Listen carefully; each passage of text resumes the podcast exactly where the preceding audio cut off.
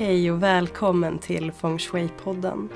Det här är podden för dig som vill boosta livet och ta hemmet till en ny nivå.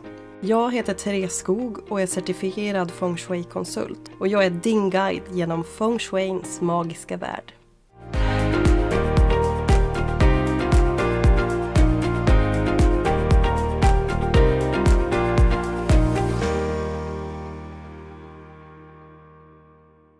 Hej och varmt välkommen till Feng Shui-podden.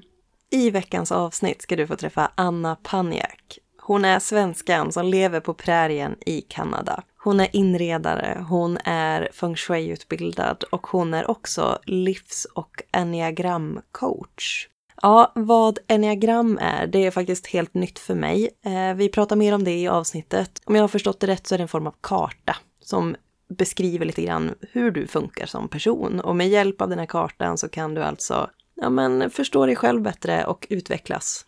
Anna är en fantastisk person och det är så roligt att hon ville vara med i Feng Shui-podden. Och hon har ett helt underbart eklektiskt skandinaviskt hem i Kanada. Så spana in Annas Instagram om du inte har upptäckt henne redan. Och nu tar vi och lyssnar in oss på Anna Paniak.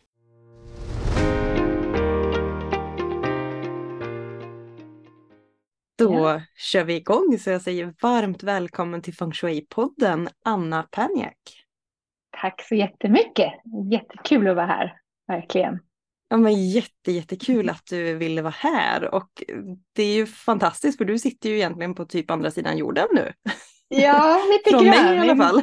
Precis, du har tidig kväll och jag har tidig förmiddag eller morgon. Precis. Och jag tänker, jag har ju lite koll på vem du är, men för de som lyssnar och som inte vet vem Anna Perniak är, vill du berätta lite, vem är du och vad gör du för någonting? Ja, um, jag är ju svenska då, men jag har är utflyttad till Kanada sedan nästan 24 år. Det var 2000, år 2000 så kom jag till Kanada. Oj, det långt. Och blev kvar. Ja. Men jag får en vision av att Kanada är alltså, ett fantastiskt land som också påminner ja. till stor del om Sverige. Men det kan ju vara, jag har aldrig varit där så jag vet inte. Ja. Men många, många Nej, men, säger det. Precis, det är sant tror jag. Mer mm. så än USA. Det är liksom lite mittemellan Sverige och USA kanske. Men hur hamnade du i Kanada av alla ställen? Ja, ja så jag växte upp i, i Stockholm, eller jag är född i Stockholm växte mest upp i Hälsingland med min mamma. Och sen så pluggade jag i Uppsala. Och därifrån, och jag älskade, alltid hade längtan att resa ut i världen. Mm. um, så jag, då hade jag en av mina barndomsvänner, hon var en verkligen äventyrssjäl. Så hon um, åkte till Kanada för att åka skidor och blev kvar. Och jag studerade språk och bodde i Frankrike ett år och sen så pluggade jag franska, lingvistik och så engelska i Uppsala och kände att jag ville förbättra min engelska, att jag skulle åka på utbyte till något ja, engelskspråkigt land. Och Kanada kändes lite väl långt bort. Men, så det var, men jag hade ju min barndomsväninna här då. Så att Ja, det var mitt tredje alternativ. Mm. då så, och jag hade ingen aning om, jag fattade inte hur stort det var. Um, men så jag sökte till Edmonton och kom dit och så berättade jag för min väninna Tove som, som var här. Uh, men hon var ju utanför Calgary och om man tittar på kartan ser det inte ut att vara särskilt långt ifrån varandra. Men hon Ja. Det var några timmar ändå. det är, ja, det är jättelångt. Det är mitt ute i ingenting. Du måste verkligen försöka byta till Calgary i alla fall. Men det gick inte. Det var för sent. Så jag hamnade i Edmonton och hatade det. Oh, Ärligt talat. Men i alla fall. Så, um, det, för det var så otroligt annorlunda än vad andra ställen är, liksom Europa. Mm. Men, um, men sen så träffade jag min ex-man eh, där på universitetet och eh, åkte tillbaka till Sverige och han kom och hälsade på och sen så åkte vi tillbaka hit tillsammans. Så jag sa att jag bara skulle hälsa på men någonstans så tror jag att jag visste att jag skulle bli kvar.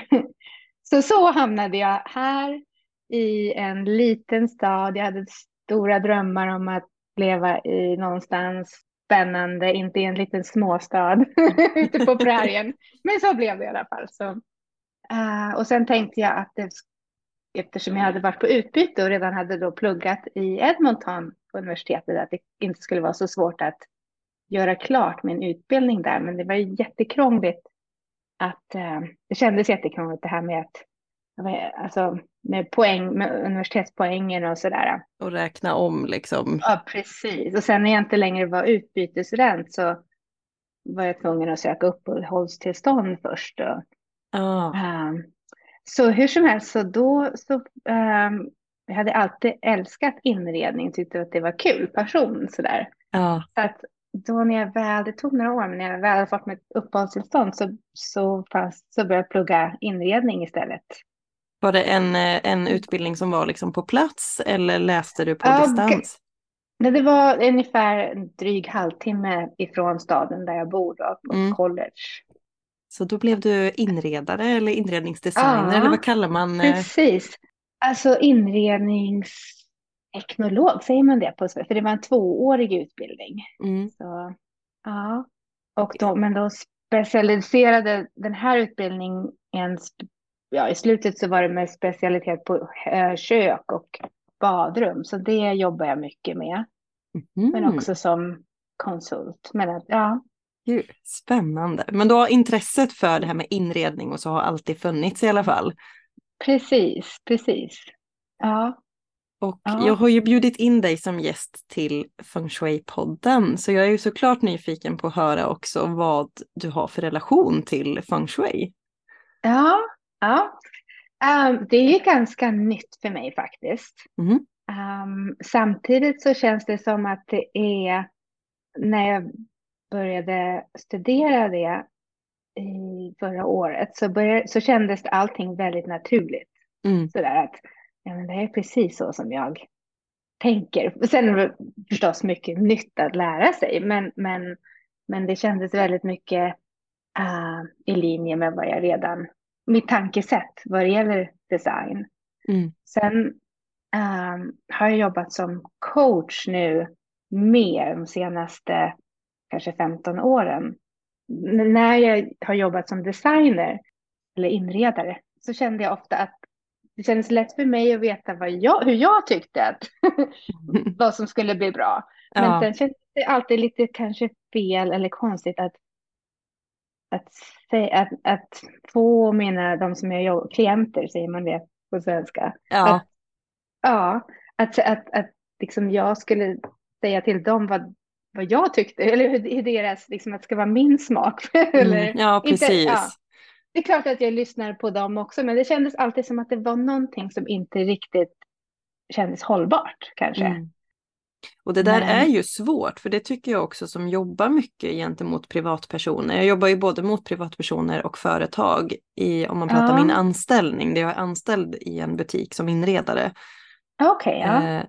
Att det är väldigt svårt att komma med liksom, jag vet ju inte hur du, vad du trivs i precis, för typ av färger precis. och miljö. Liksom. Det är ju mitt jobb ja. som inredare att försöka locka fram och hjälpa dig att hitta då Eh, ja. din inre core i vad, vad du mår bra av eller vad du trivs i. Ja, precis. Men, det, ja. det, är det som jag, ja. För sen som coach då, så, så som jag jobbar, tror jag, ja, eh, inte, det är inte jag som säger till, jag säger inte hur du ska leva eller det här är ditt svar, utan jag hjälper mina, som jag jobbar med att hitta sina svar mm. inombords. Och, och så det kände jag länge att det kanske borde finnas något sätt som med inredning också, att hjälpa folk att skapa ett hem inifrån. Precis. Och det var lite så som jag började, ja, som jag kom in på feng shui och det kändes som att det här var liksom lite grann bron mellan coaching och inredning. Mm. Ja.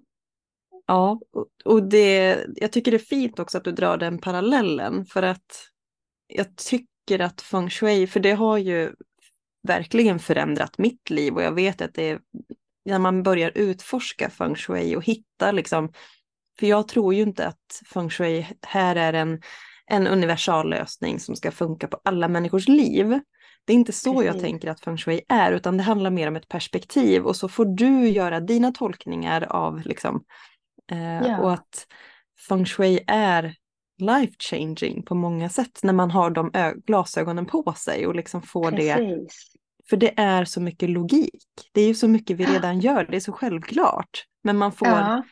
en förklaring till varför vi gör som vi gör eller varför det känns på vissa sätt när vi har möblerat ja. eller har vissa färger eller vad det nu kan vara för någonting.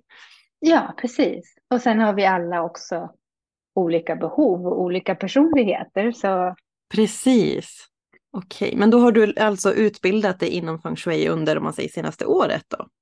Ja, precis. Mm. Så det, ja, precis. Så det är verkligen nytt fortfarande. Det känns jättespännande. Ja, um, kul. Men med det som jag jobbar i huvudsak med med coaching mm. fortfarande. Ja. ja, för du är ju certifierad livs och, nu ska vi se uttalet, enneagram coach. Ja, ja precis. och som jag sa innan vi började spela in här, jag har sett det här enneagram, det har liksom dykt upp överallt för mig sista tiden. Ja. När jag, ja, men på olika hemsidor och på Instagram och liksom.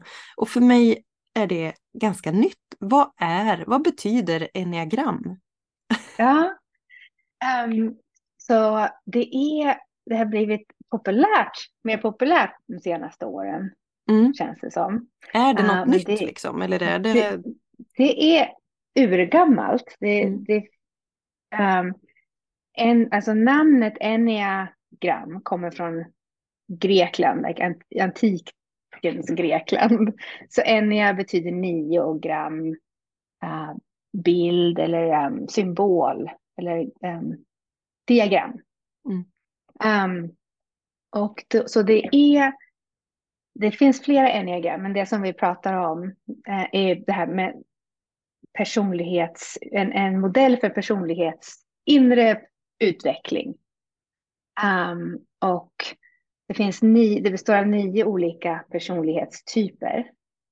Mm. Och, um, och sen det är vi, vi är alla, vi har en som är våran typ. Som, mm. vi, som vi är födda med. Det är inte någonting som händer i barndomen. Eller det är som ett blueprint kan man säga på vår i vårt DNA. Mm. DNA. ja. Uh, så, så vi är födda med en personlighet, mm. den här blueprinten.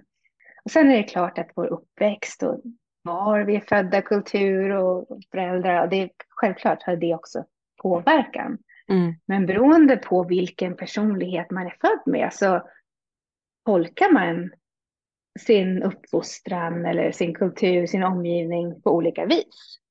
Så syskon till exempel som har samma i stort vis, samma uppväxt, kan ju vara jätteolika.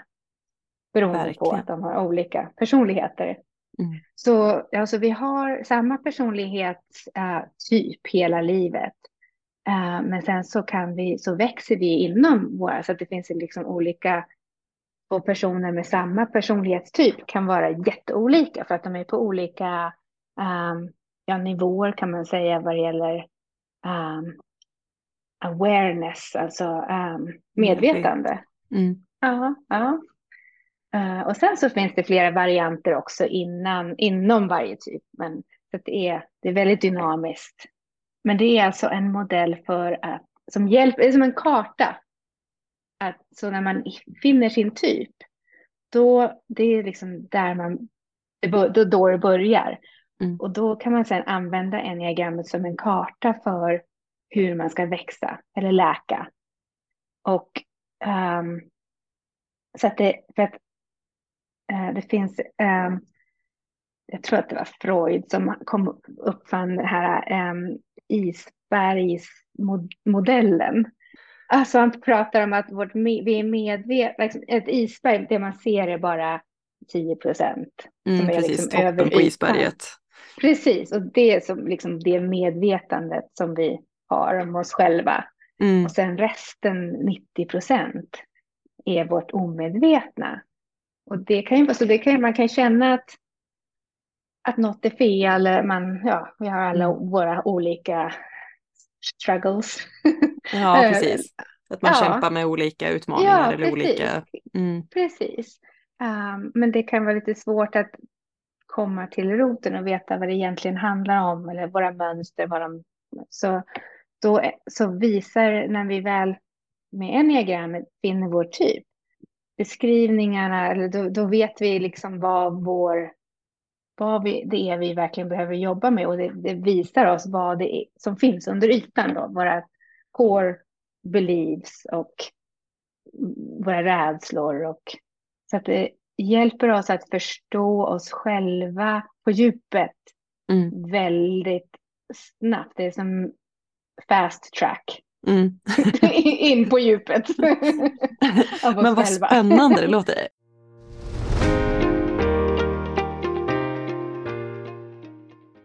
Alltså är det vanligt, det kanske inte du vet eller kan svara på, men jag blir sådär, är det vanligt när man börjar utforska det här med enneagram och får ta del av den här kartan och får liksom in, vad säger man, insikt i ens eh, undermedvetna eller eh, det ja. som finns under ytan.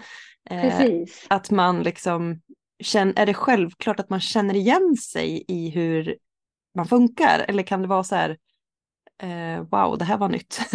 ja, jättebra fråga verkligen. För det, det kan vara både och. Det kan mm. vara att, att man känner mycket motstånd, att man inte, det kan vara en hel del förstås som man inte vill se i sig själv, som man inte, som, så kan vara väldigt svårt att se.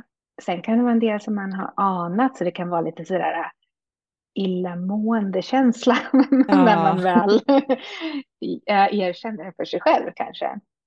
Um, så som när jag först upptäckte min typ, då jag kände med en gång, äh, min typ är, för de, de har nummer ett, det finns namn också, men jag brukar bara använda numren 1 till 9. Och det är mm. inte någon att 1 är bättre än 9. Det är inte, den det är bara. Det är ingen gradering um, utan det är bara. Nej, precis. Men så min typ då är typ 4. Och när jag läste om 4 så var det som att läsa i min egen dagbok. Det var mm. jättehäftigt och läskigt. Och, och sen en hel del, verkligen sådär, åh nej, jag fy. Alltså, jag vet ju att jag gör det, men att jag gör det för att jag vill ha det här, äh, som fyran då till exempel, um, det man läser kanske med en gång när man upptäcker, läser om fyran är att de vill uh, vara speciella, unika. Mm.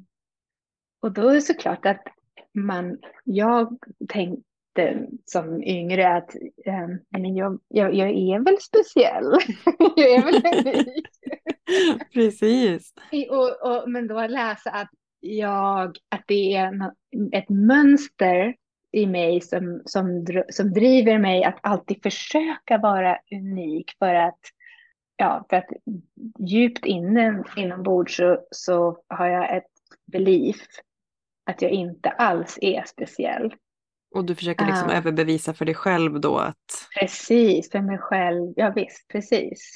Så, men, så, när man, så det var liksom, det kan vara väldigt blandade känslor när man finner sin typ. Men, och sen det, kan det vara lätt att uh, vi kan känna igen oss i alla typer. Och det kan vara det är så att vi ser oss själva på ett visst ett, vi vill se oss själva kanske på ett annat vis än hur vi egentligen är. Och sen så kan vi vara påverkade av ja, det, de vi lever med eller särskilt våra mm. föräldrar som kan göra också att vi tror att vi är en annan typ än mm. den vi är. Så det, för en del är det lätt att, att hitta sin typ med en gång.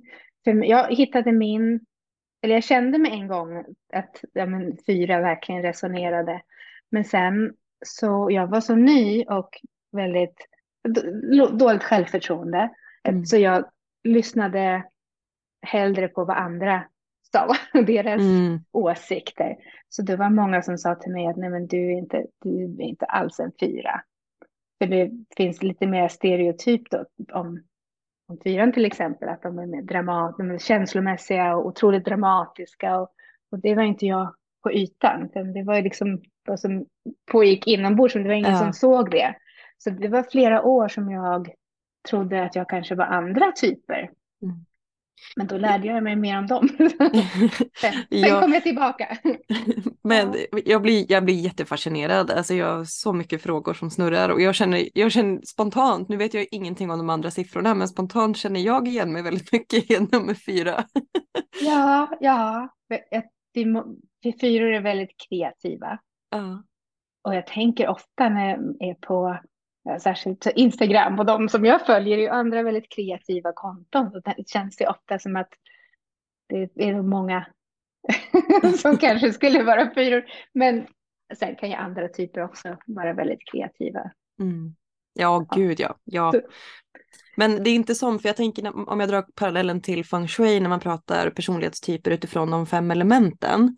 Ja, Ehm, där pratar man ju om när man gör personlighetstester och sådär så man har ju alla elementen inom sig men precis som med enneagrammen så är det ju något element som är oftast dominant som du föds med som är liksom mer din typ av person eller din typ av personlighet. Sen kan, eh, ja, beroende på saker som händer i livet, olika perioder och liksom att elementen kan vara i olika nivå men du har ändå en Precis. core, ett core-element eller vad kallar man det för? ja precis, precis. Eh, Och det tycker jag är intressant. Jag har, alltså att se det- med, jämföra enneagram och elementen. Jag har Mm. känt sådär att, att jag känner att jag har väldigt mycket vatten. Överflöd av vatten kanske jag ofta. Jag behöver, och låg eld. Mm. Jag behöver verkligen mera eld. Och, och det tycker jag stämmer så bra överens också med då typ fyra. Jag Mm. vet inte om det är, så för dig, det kanske inte är. Men jag tycker det är intressant att jämföra Mm. ehm, lite grann. Jag tror inte att det kanske går direkt att säga. eh, för det finns ju variationer som, inom varje typ som jag sa. Men, eh, Mm. men ja, precis. Vi har alltid samma typ, det ändras inte. Men sen, ehm, jag vet inte om du vet, har sett symbol, om du vet hur enneagramsymbolen ser ut. Jag vet inte om det syns som en Jo. visar, men det är som en cirkel. Ja, precis. Som en, Och det ser det- nästan ut som en lotusblomma i en cirkel, typ. Ja, lite grann. Det är så, så det är en cirkel och det en triangel här i mitten och sen hexagon. Ja. Och, och då så ettan, eller nio är den som är här uppe i toppen och sen ett, två, tre runt. Och Mm. då, så då så, fyran är här nere. Och då så, de, ehm, den typ man är, som man till exempel är, en annan typ som exempel nu, som man är en, en typ nio, då har man åtta på en sida och ett, ettan på den andra sidan. Och då kallas de för eh, flyglar, eller vingar säger man på engelska. Mm. Och så då har man tillgång till dem också.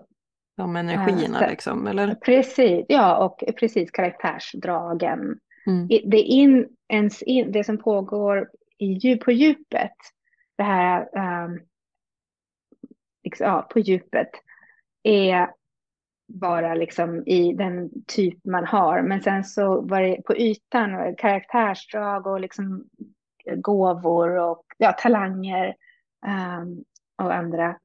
Det, då, det kan man ha liksom flyglarna.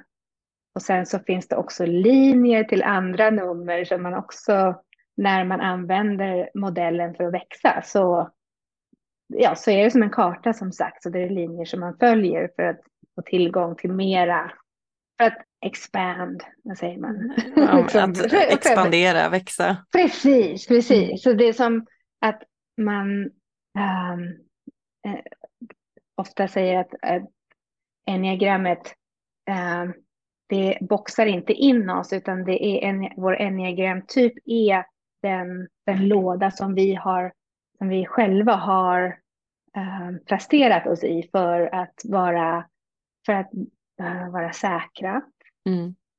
och för att liksom överleva. överleva. Så, att vår, så man kan se det som en liksom, lådan är våra mönster och vårt sätt att liksom överleva som vi tror, eh, som vi när vi var väldigt små eh, tolkade att vi behövde vara för att överleva. Mm. Men, men det är baserat på ett väldigt litet barns förstå, först, liksom, hur, hur ett litet barn har tolkat Mm. hur vi behöver vara, så det är inte alls sant.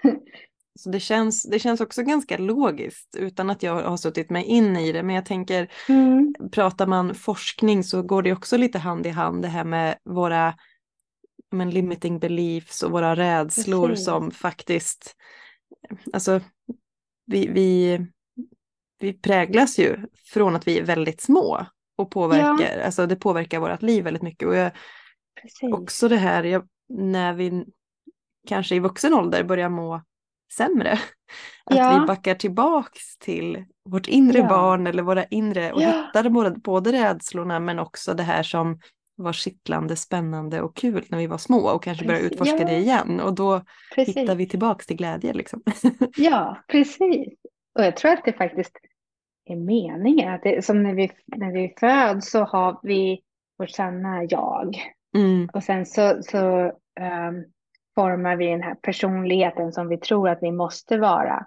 Mm. Och, uh, ju, men, men det är vårt ego. Och sen, men sen att när vi blir en viss ålder så det är meningen att vi ska hitta tillbaka till vårt sanna jag. Mm. Vi är på utflykt. Precis. så går vi runt Precis. i cirklar och kommer tillbaka hem igen. ja, precis. Ja. ja, men gud vad spännande. Ja. Eh, men jag tänker, sen du upptäckte det här med enneagram och även feng shui, hur skulle du säga att den här kunskapen som du har skaffat dig, hur har det påverkat ditt liv eller hur har det förändrat ditt liv? Ja, det har otroligt, alltså det har räddat mig skulle jag säga. Mm. Um, jag, mitt första äktenskap var hemskt. Det, um, missbruk och det, det var verkligen ett dåligt, um, vad säger man, uh, dysfunctional mm. äktenskap. Och um, jag kände mig, jag var otroligt deprimerad, otroligt um, olycklig och kände mig liksom som fånge här. Att vi hade barn tillsammans och kunde inte bara flytta hem igen. Nej, nej. Men uh, tack vare det så hittade så började jag med självutveckling. Jag känner som att jag helt förlorar mig själv, men någonstans så hittade jag i alla fall ja, terapi och självutveckling och så småningom enneagrammet och lärde mig förstå uh, hur jag hamnat i den relationen som jag hamnade i och så långt mm. borta från Sverige hemifrån. Oh. Uh, och, och nu så förstår det var, jag tror att det var meningen, jag tror allting som händer i livet händer, är meningen för att, vi ska, för att hjälpa oss att, att vakna mm. från och, och, och växa. Och så nu, ärligt talat, så är, kan jag säga att jag är tacksam för ja, att det var precis meningen det som skulle hända. Mm. Um, att det hjälpte mig. Att det, var, det var min väg för att hitta tillbaka till mig. Um, ja, så det... Och dagligen så, så hjälper det mig. Jag, ty jag, tycker att det är så himla spännande. Jag, jag tror att det aldrig liksom... Det är inte så att man når en destination att man har vuxit färdigt. Nej. Utan jag, jag älskar att, jag tycker jag lär mig hela tiden. Jag älskar, får aldrig nog av att liksom fortsätta och djupdyka och Mm. Ja. Men inte så att det är någonting som ska, att jag måste fixa och ändra, utan det är liksom bara en intim resa där man kommer närmare och närmare sig själv och um, vad man nu tror på. Mm. ja men det där resonerade så starkt med mig, vad fint uttryckt. För det, det jag upplever som det här med feng shui, jag, det är nästan dagligen så det är människor som skriver till mig som eh, kanske nyligen har upptäckt feng shui eller återupptäckt. Och att man då, mm. Eh, det väl, finns väldigt mycket så här rädsla att man gör fel i sättet man inreder på eller åh, jag har precis upptäckt att feng shui säger att man ska inte och man ska. Nej, skit i det. Känns det rätt för dig så är det rätt. Och liksom för jag lever ju inte i något harmoniskt feng shui-paradis, även om jag är utbildad och jätteintresserad av mycket när det kommer till hemmet. Och liksom. Men jag är på min långsamma resa och jag är medveten, jag njuter av den på vägen. Ja.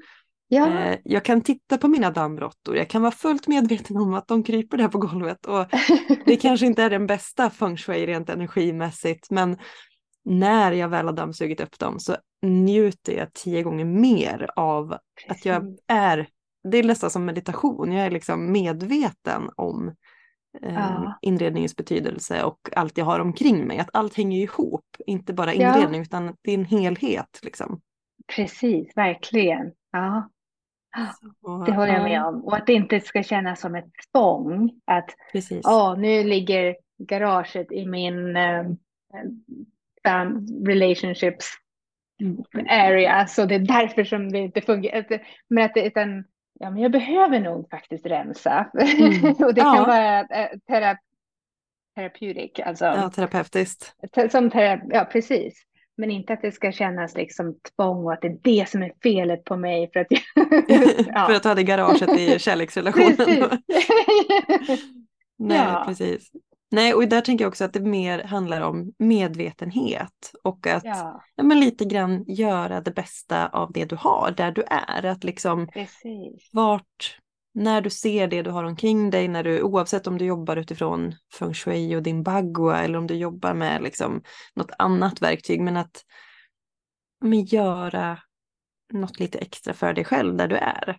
Eh, Ja, idag. Det behöver inte handla om att nu måste vi renovera huset för att det är skitigt, sunkigt. Alltså nej, det finns inga måsten. Nej, precis. Men bli Ja. medveten liksom. Om, Ja.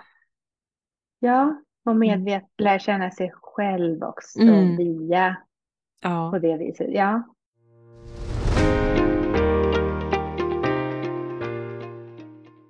Ja, för det var också någonting som jag vet du har dels skrivit flera inlägg om, men också det står något ord på din Instagram som om jag har tolkat det rätt, homebody.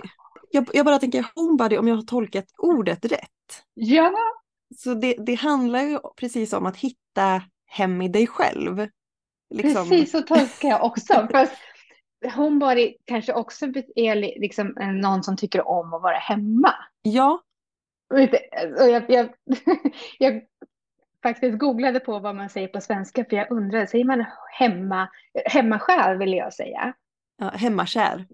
Ja, hemmasjäl. S- Som en själ. Ja, Hemmasjäl. ja, ja, ja, att det liksom är, det tänkte, tänkte jag att det hette, men så när jag slog, googlade på vad heter det egentligen på svenska, då var det hemmasittare eller stugsittare som kom Det låter ju ganska deppigt. Det ja. Det låter hemmasjäl mycket vackrare.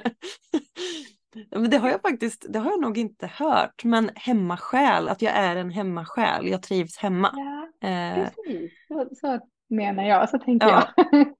och, och jag Ja. tänker att man är hemmakär. Eh, Ja. Att jag är kär Det är i mitt hem och jag det- tycker om att vara här. Liksom. Ja, och det tyckte Eh. jag var jättefint också. Ja, Hemmakär. Ja, precis. Ja, men då, då tänker jag, det ordet som, för jag var också tvungen att googla på det, för det, då fick jag också Ja. fram just det med he, att vara hemmakär eller hemma, tycka om att vara hemma. okej. Men samtidigt så hittade jag också det här att, ja men typ hitta, landa i dig själv, hitta dig själv. Att bli hemma i Precis. dig själv också. Ja, precis. Ja, precis. Det Och behöver inte handla som- om ett fysiskt hem utan Nej, jag tycker om att vara precis. hemma i mig själv. Typ. Ja, precis. Och det, det har varit min resa att när jag växte upp så längt, och det är också, jag menar inte bara att prata om min egen typ här, men min resa så via med enneagrammet så den, fyran har en längtan, alltså gräset är grönare eller någon sån längtan där ute, att de känner att de saknar någonting i sig själva men att det finns där ute så det är en, en djup intensiv längtan Mm. till att hitta det. Och, eh, och, så- och det känner jag när jag liksom, som, redan som liten alltid längtade och alltid tänkte att jag skulle eh, resa och gärna bo i andra delar av världen, inte hemma Mm. i tråkigt, som jag tänkte då, tråkiga, vanliga Sverige. Så jag tror att det är så på det viset jag hamnade så långt bort och att det var inte svårt för mig att liksom bestämma mig för att flytta hit det, så långt. Och jag hade kompisar som sa, men du måste verkligen, du måste verkligen tänka på det här. Det är ett stort beslut att flytta så långt bort. Kommer du inte Mm. längta hem? Jag var också ung, men och naiv och, och allting verkade romantiskt. Och, eh, Mm. men jag var o- o- så otroligt hem, alltså, alltså längta hem så otroligt mycket att det, det var verkligen, ver, verkligen definierad av hemlängtan.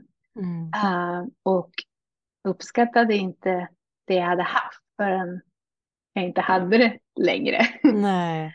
och kände mig inte hemma här heller då jätte. Kände mig inte hemma, hemma i Sverige och sen kände jag inte mig hemma här heller och tyckte att allt här var fel. Och att, så att det har varit min resa som jag tror att jag som sagt var tvungen att, mm.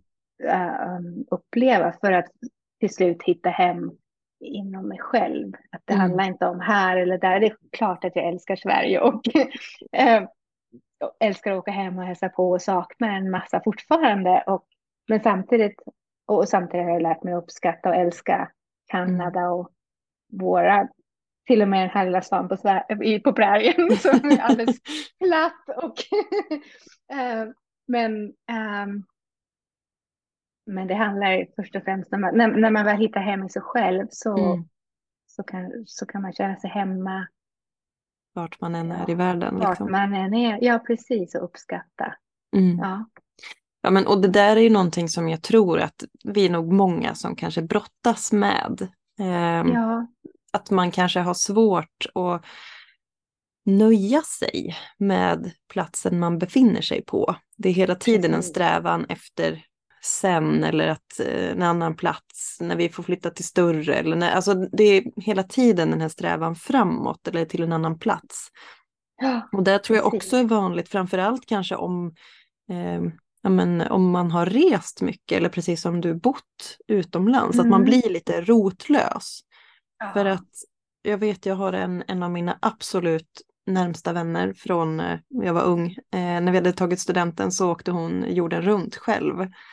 Oh, wow. Och var borta länge liksom. Och jag vet att när vi pratade om det när hon kom tillbaks att då kände hon sig inte hemma. Fast hon var hemma hos sin familj och i liksom där hon har spenderat hela sitt liv. Men att Precis. det var inte på samma sätt. Det var inte samma sak. För hon hade ju massor med nya perspektiv med sig. Oh. Som inte liksom, ja men det gjorde att sånt som hon bara hade levt i innan helt plötsligt så började det skava lite för man hade fått sett något annat som kanske var bättre eller på, bara annorlunda liksom. Ja, ja precis. Um, precis. Så, ja, det tror jag ändå ja. är en viktig grej vi pratar om just det här, vikten av att hitta hem i sig själv. Uh. Ja, ja, precis. Det, jag tror att det är jätte, att det otroligt mycket handlar om det. Mm. Oavsett vem man är. Men ja, att hitta hem, att acceptera den man är. Att, mm. att hitta hem och, och helt ja, acceptera och, och trivas mm. i sig själv. Precis. Ja. Men jag tänker på om jag backar bandet till det här med enneagrammet om det är någon som lyssnar nu och som är, blir, också blir nyfiken på enneagram, vart börjar man ja. någonstans om man vill börja utforska? ja, alltså det finns ju i Sverige finns det ju också uh, folk som jobbar med det, så det finns säkert coacher och hemsidor där man kan lära sig en del. Mm. Uh, det finns många tester man kan ta, mm. eller ja, och, men då med en nypa salt skulle jag säga, för att det finns längre, det finns en som jag rekommenderar ifall som är The Enneagram Institute. Det, hemsidan är en Enneagram Institute, man kan googla på det, jag är inte säker på. Jag kan försöka, det, om jag hittar rätt så kan jag lägga länk jag, i avsnittsbeskrivningen. Ja, jag kan skicka länken. Ja. ja, jag kan skicka. Men det, så det, de har ett längre test som tar kanske 40 minuter och mm. kostar 12 eh, amerikanska dollar. Så det skulle jag det rekommendera, men kanske att man börjar först med att bara läsa om de olika typerna. Mm. Så då kanske man hittar, för ibland kan det vara ganska lätt, mm. att bara läsa om dem och känna efter. Eh, det handlar mycket om att ja, känna inåt, och, eh, men inte liksom att döma, utan liksom med nyfikenhet. Och um, sen så, om, ja, så kan man göra test. Och men även det här längre testet, de flesta hamnar rätt, men det, även det kan ju liksom vara missledande mm. beroende på var man är i livet och en hel del andra faktorer. Mm. Um, en del typer ser mer ut som andra. Det, det kan vara liksom det kan vara svårt och det kan vara lätt. Ja. um, men och, och sen en coach, om man anlitar en coach, så en coach som i så fall har erfarenhet med och jobbar, det som jag tycker är jätteviktigt är det att man känner till subtypes. Det vet jag inte vad man säger på svenska, men det är inom varje, inom varje typ av de nio typerna så finns det tre olika varianter som kallas subtypes. Typ underkategorier eller undergrupper Precis. typ. Och det är jätteviktigt att, att känna till. Inte när man själv först kanske börjar jobba med det, men att om man jobbar med en coach eller um, och an, det var väl anledningen för mig att jag i flera år uh, inte var säker på min typ, därför att min subtype är väldigt annorlunda mot för den, liksom, hur typ 4 normalt beskrivs. Mm. Um, så att för vissa typer så är det jätteviktigt att veta vilken subtype man är. Ja, ja. Um, men ja, att läsa, det finns en hel del litteratur, både förstås på engelska. Uh, min favoritförfattare är Beatrice Chestnut, det kan jag också skriva till dig om du vill lägga in. Ja, men gör det jättegärna. Hon har jättebra böcker, men det finns ju andra jättebra böcker också. Säkert översatta till svenska Mm. också.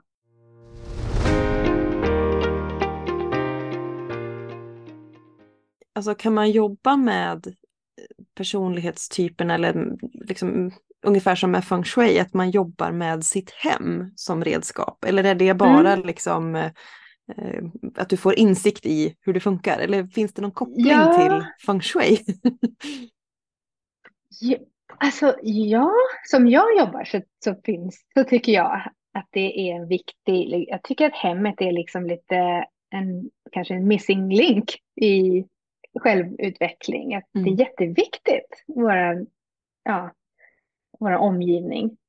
Så att eh, om, det, om man är intresserad, om det känns som någonting som man är dragen till eller som känns viktigt så eh, tycker jag att det är en jättefin kombination. Och att för även om man bara, de som jag jobbar med nu som är bara intresserade av feng shui eller heminredning så tycker jag att det ändå, vi startar ändå med dem. Liksom, vem är det som bor här? Och ja, Mm. som person, jag behöver inte använda eller säga till dem att jag använder mig av enneagrammet eller behöver inte gå in på, gå in på djupet så mycket. Nej. Men det är ändå viktigt tycker jag att det handlar ju om vem, vem det är som bor där Mm. och vad de vill med sitt liv eller med sitt, ja.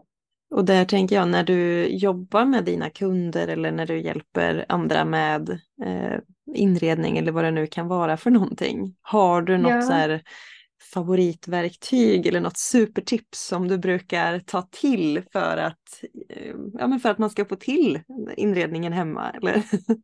Ja, alltså det kanske, vänta om det här låter lite flummigt. I den här podden får det låta hur flummigt som helst. Nej, men det är ju inte det. Jag ska inte säga så om, om det som jag tror på. Ehm, för jag tänker om man tänker på sig själv som eh, sitt liv som en film Mm. eller en bok om man tycker om att läsa. Och då liksom kan, man kan det vara lättare kanske att beskriva sig själv. Kanske dagbok eller skriva eller bara liksom i tankarna. Ehm, vem är huvudpersonen? Och var, eh, hur, hur vill den, liksom, hur ser hon ut? Hur vill hon, vad är hennes omgivning? Vad behöver hon för omgivning? Hur vill hon, vad vill hon? Vad är nästa kapitel? Vad ska nästa kapitel handla om? Mm. Och vad behöver hon nu för att komma till det kapitlet? Jag vet inte om det... Jo men det blir jättetydligt i mitt huvud i alla fall. Ja. Jag har aldrig hört liksom, jag älskar det tipset. Ja. För mig blir det väldigt visuellt. Eh, Där har jag förstått att vi är olika människor. Vi Alla ser kanske inte. För mig blir ju det. Nu ser ju jag i mitt huvud så ser jag ju nästan som en film eller hur jag vill att jag ska uppfattas. Hur jag vill att mitt hem ska känna. Alltså Ja. det, det blir som en film i mitt huvud. Så jag förstår verkligen och jag tyckte det var ett jättehärligt tips att tänka på det Okej. sättet. Ja, ja vad bra. Inte så, Så- konkret kanske, men Jo men det tyckte jag absolut att det var, om inte annat en bra Okej. skrivövning eller en bra liksom, Ja. reflektionsövning att sätta sig och ja, fundera över hur du vill att precis. om ditt hem, om ditt liv var en film eller en bok, hur, hur hur skulle det vara? Sen hur, tycker jag elementen har hjälpt mig mycket i nu känner jag sen jag har liksom börjat, ja, sen jag började använda feng shui att det har varit den stora skillnaden, största skillnaden hittills för mig i mitt hem. mm, Att ja, balansera elementen och eh, särskilt lite mera fire behövde jag, lite mera liv. Eh, Mm. eh, lite mera, kanske inte röda väggar, men jag håller på att måla köket rosa nu. Ja, vad härligt. lite mer, lite mer värme och eh, lite upplyftande energi. Gud vad härligt. Och jag älskar Ja. ju de bilderna som du delar från ditt hem på Instagram och så. Det är så vackert så att jag, Ja, det är fantastiskt fint. så tack. Eh, tack. Men där jag håller med om att eh, de fem elementen är absolut ett favoritverktyg för mig att jobba med också. Både i mitt hem Ja. men också på mig själv, alltså på mina kläder, Ja. på eh, nagellack Ja. och detaljer. Som liksom, Ja, att man kan, eh, för det gör så mycket och det känns så tydligt när det är obalans bland elementen. Eh, precis. och det, det bety- behöver inte betyda att du måste addera alla färgerna utan det kan ju handla om Nej. materialval eller former eller Ja, precis. Mm. Precis. Verkligen. Ja. Men jag tänker på ditt hem. Hur skulle du beskriva ditt hem? Det är väl ganska... Folk som kommer till mitt hem som bor här tycker att det är väldigt europeiskt eller skandinaviskt. Mm. För mig förstås är det normalt. Det här är liksom det normala. Ehm, men så för i deras ögon så är det väldigt europeiskt. Mm. Ehm, Men Men upplever du när du hälsar hur- på andra att, att de har annorlunda inrätt än vad du har? Eller? Ja, det är definitivt. Det, är, Mm. det gör jag också här. Det är um, mer nordamerikanskt. och Inte lika, det nu senast, sen jag flyttade hit, kanske de senaste fem, tio åren, så har inredning blivit mycket mer populärt här. Mm. Så att det stod, stod, förändras mycket, att folk bryr sig, liksom, det blir viktigare att det syns. Mm. Um, för annars känns det väldigt, i början särskilt och fortfarande, det är mer liksom funktionellt och enkelt och snabbt och billigt. Ja. Ja. Ehm, men så ja, mitt hem kanske är eklektiskt. Ehm, en, en annan väninna eh, har ofta sagt att hon tycker att det är när hon liksom varje, var man än tittar så finns det liksom en liten historia. Mm. Och det älskar jag att, att höra och, det, och jag tänkte att det stämmer nog. För att det är, jag är inte, jag är gott, liksom jag kan mycket om inredning men samtidigt så är mitt hem långt ifrån, tycker jag, liksom perfekt. Eller om man tittar på inredning som en, det är inte som en liksom Inte som ett, inrednings- magasin. Eller inredningstidning. Precis, utan det är liksom, ja den här soffan köpte jag då för länge sedan och fåtöljerna matchar egentligen inte alls, helt olika stilar, men det funkar på något vis, allting liksom. Men, det, men för att kanske, för att det är saker som har betydelse och har fått stanna och bli kvar för att de betyder något och att de funkar på det viset. Det är liksom, ja. Mm. Det är besjälat, tänker jag. Ja, Det- ja, ja. ja. Ja, men vad härligt. Ja, Ja, som sagt, det man ser är ju helt fantastiskt fint. Alltså, det tilltalar verkligen mig i alla fall. Eh, Jaha, vad kul att höra. Tack och gulligt. Och jag vet, jag skrev med en fråga här när jag skickade över ett litet utkast till dig med hur Ja. du får till dina vackra bilder på Instagram. Tar du dem själv? Eller har du en fotograf? Ja, nej, jag tar med min iPhone. Portrait mode, alltid. det är jättefint, verkligen. Tack. Det, det är kul. Jag tycker att det är jätteroligt. Det är ett annat intresse. Mm. Um, som jag inte utbildat mig eller sådär. Men jag, jag, tror att det kanske är min, min farfar var en fantastisk fotograf. Mm. Så han kanske är här och hjälper mig. Säkert. Och sen tänker jag också dina kreativa personlighetsdrag, att det är ja, ett sätt det... att få utlopp för den här kreativiteten Precis. också. Ja, absolut, verkligen. Mm. Verkligen. Det känns som terapi för mig. Hemmet, inredning och ta bilder och det är min terapi. Mm. Och enneagrammet, det är min passion. Så, ja. Gud, härligt, vad roligt. Har du någon fråga du känner att jag har missat att ställa eller är det någonting som du funderar över innan jag ställer min sista fråga?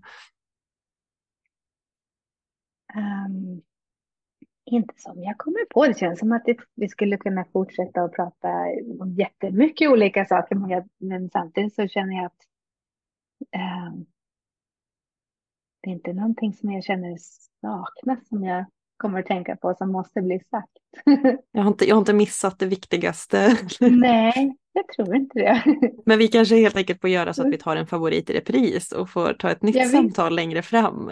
Eh, ja, visst.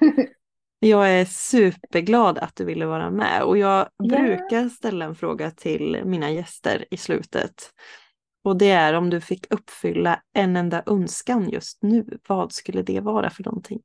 jag vet vad det är, så hur ska jag säga? Alltså jag, jag vill nå ut till flera med min med enneagrammet. Det är min, som sagt, min passion och det som känns otroligt stort och viktigt för mig. Så att på ett naturligt sätt uh, kunna uh, nå ut mer ja, jag har massa olika idéer och tankar, men det är mm. väl det som är liksom min, så jag vet inte om det är en, ja men det är väl en önskan. Mm. Det kan man säga, ja. Det är klart det är. Det, ja. Och då känns det extra fint tycker jag att vi faktiskt berör det diagrammet en hel del i det här samtalet ja. också, för jag blev så nyfiken. Dels är jag, alltså bara bilderna som du har lagt upp från, från ditt hem gör ju att jag blir så här, men gud hur får hon till det? Kan du lära mig alla dina knep? Nej, men, men samtidigt så nyfiken på det här med enneagram. Så att, tack så mycket för att du bjöd in oss i den världen och delade lite grann. Det känns som att jag i alla fall fått en, en betydligt klarare bild av lite vad det är för någonting. Sen ja. känner jag att jag, vill ju, jag är ju ännu mer nyfiken, jag vill ju läsa mer. ja, ja vad kul, jättekul. Tack så, för att jag fick komma och prata om det. ja, men tusen tack Anna för att du ville vara med och ja, tack såklart till er som har lyssnat också. Tack, tack, tack. Ja, tack.